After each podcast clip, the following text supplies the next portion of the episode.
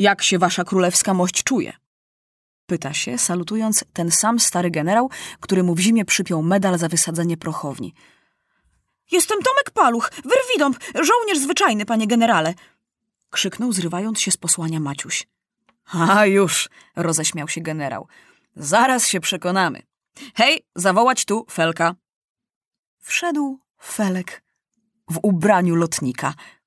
Powiedz, Felek, kto to jest? To jest jego królewska mość. Król Maciuś I. Maciuś nie mógł się dłużej zapierać. I wcale nie potrzeba było teraz ukrywać. Przeciwnie, chwila wojenna wymagała najbardziej, żeby najgłośniej na całe wojsko i na całe państwo krzyknąć, że król Maciuś żyje i jest na froncie. Y, czy wasza królewska mość może już wziąć udział w obradach? Mogę, odpowiedział Maciuś. Więc było tak. I generał opowiedział, jak to zamiast Maciusia zrobiono lalkę. I jak ta lalka codziennie jeździła po stolicy samochodem, jak prezes ministrów nawet na tronie podczas audiencji sadzał tę lalkę, która za poruszeniem sznurka kiwała głową i salutowała. Do powozu wnoszono lalkę, bo król Maciuś, tak pisali w gazetach, dał słowo, że nogą nie stąpi na ziemię, dopóki ta ziemia nie będzie całkiem wolna od ostatniego nieprzyjacielskiego żołnierza. I długo się sztuka udawała. I ludzie wierzyli. Choć dziwno im było, że król Maciuś zawsze tak samo siedzi na tronie i w powozie, nigdy się nie uśmiechnie, ani nic nie powie, tylko czasem głową kiwnie i salutuje.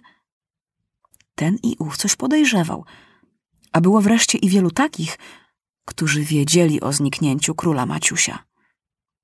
Nieprzyjaciel też zaczął się czegoś domyślać – uprzedzony przez swoich szpiegów. Ale udawał, że nic, bo co go to mogło obchodzić? Była zima, a zimą i tak siedzi się tylko w okopach. Dopiero kiedy się dowiedzieli, że wojsko Maciusia chce przerwać front, zaczęli na serio myszkować i całą tajemnicę poznali. I oto, w przeddzień ataku, wynajęli jakiegoś łobuza, który z całej siły cisnął kamień w lalkę Maciusia. Maciuś się stłukł. Porcelana się rozsypała, tylko ręka lalki salutowała w powietrzu, bo głowy już nie było. I jedni zaczęli rozpaczać, inni zaczęli się złościć, że ich oszukują i grozić rewolucją, a inni się śmieli. Kiedy nazajutrz po próbnym ataku, kiedy to król Maciuś dostał się do niewoli, miał nastąpić atak generalny, nagle pokazały się nad wojskiem aeroplany. Tylko zamiast bomb rzucały karteczki nadrukowane. To były proklamacje. Żołnierze, pisało w tych kartkach, generałowie i ministrowie was oszukują. Nie ma już Maciusia. Od początku wojny jeździ po stolicy porcelanowa lalka, którą dziś stłukł kamieniem jakiś łobuz. Idźcie do domu, przestańcie się bić. Z trudem udało się przekonać żołnierzy, żeby jeszcze trochę poczekali, że to może kłamstwo – ale do ataku już iść nie chcieli. I wtedy to Felek powiedział wszystko. Ucieszyli się generałowie. Telefonują do kapitana, żeby natychmiast przysłał do sztabu Maciusia.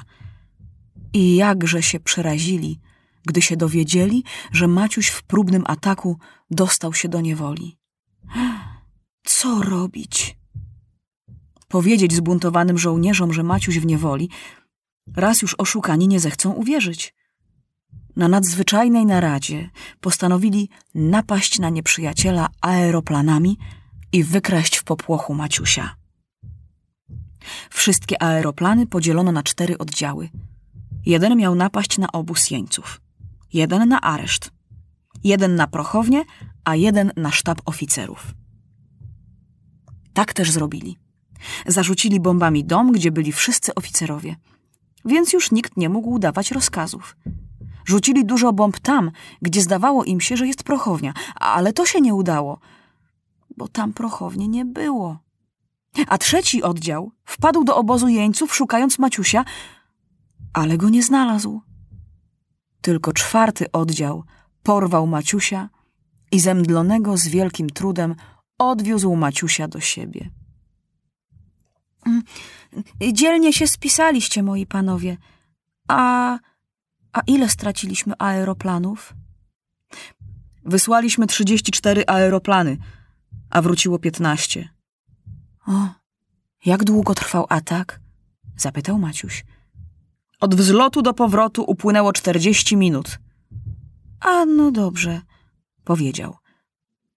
Więc jutro atak generalny. Oficerowie aż w ręce z radości klasnęli. A to niespodzianka. Doskonale. Żołnierze na całej linii dowiedzą się tej jeszcze nocy, że król Maciuś żyje, że jest wśród nich i sam poprowadzi ich do ataku. Ucieszą się chłopcy setnie i bić się będą jak lwy. Zaraz zahuczały telefony i telegrafy do wojska i do stolicy. W nocy wyszły nadzwyczajne dodatki wszystkich gazet. Dwie odezwy napisał Maciuś. Jedną do żołnierzy, drugą do narodu. O rewolucji nikt już nie myślał. Tylko młodzież i dzieci urządziły kocią muzykę przed pałacem prezesa ministrów. Zaraz zebrała się Rada Ministrów i wydała swoją odezwę, że to wszystko było tak naumyślnie zrobione, żeby oszukać nieprzyjaciela. W wojsku taki był zapał, że się doczekać nie mogli rana i ciągle tylko pytali się, która godzina. No i ruszyli do ataku. Trzech królów prowadziło wojnę z Maciusiem. Jednego rozbili na głowę i wzięli do niewoli. Drugiego tak pobili, że prędzej niż za trzy miesiące nie mógłby znów wojować, bo mu zabrali prawie wszystkie armaty i więcej niż połowę wojska. Więc został się tylko jeden, który stał w rezerwie. Kiedy się bitwa skończyła, zebrano się znów na naradę. Był i głównodowodzący, i minister ekstra pociągiem zdążył przyjechać ze stolicy. Hm. Czy ścigać wroga, czy nie? Ścigać! Krzyknął dowodzący wojskami. Jeżeli poradziliśmy sobie, kiedy ich było trzech, tym bardziej pobijemy jednego, który został. Ja mówię, że nie, powiedział minister wojny. Już mieliśmy nauczkę wtedy, kiedyśmy niepotrzebnie tak daleko za nieprzyjacielem polecieli.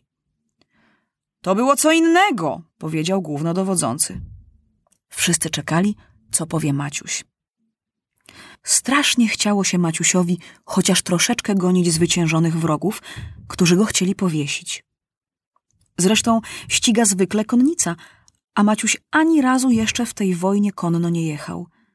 Tyle słyszał o tym, jak królowie na koniach zwyciężali, a on tyle się czołgał na brzuchu, tyle schylony siedział w rowie, że choćby troszkę pojeździć prawdziwie na koniu. Ale pamiętał Maciuś początek wojny. Poszli za daleko i mało wojny nie przegrali. Pamiętał Maciuś, że o głównodowodzącym mówili, że cymbał. I pamiętał Maciuś, że obiecał wówczas odjeżdżającym posłom, że postara się ich prędko zwyciężyć i postawił łagodne warunki pokoju. Długo milczał Maciuś, a wszyscy w milczeniu czekali. Gdzie jest nasz królewski jeniec? zapytał się nagle. Jest tu niedaleko. Sprowadzić go poproszę. Wprowadzono okutego w kajdany nieprzyjacielskiego króla. Rozkuć kajdany, krzyknął Maciuś. W tej chwili spełniono rozkaz. Tylko straż bliżej jeńca stanęła, żeby nie uciekł. Zwyciężony królu, powiedział Maciuś. Wiem, co to niewola. Daruję ci wolność. Jesteś pobity, więc proszę cię, żebyś resztę swojego wojska zabrał z mojego kraju. I króla odwieziono samochodem aż do okopów, a potem poszedł do swoich.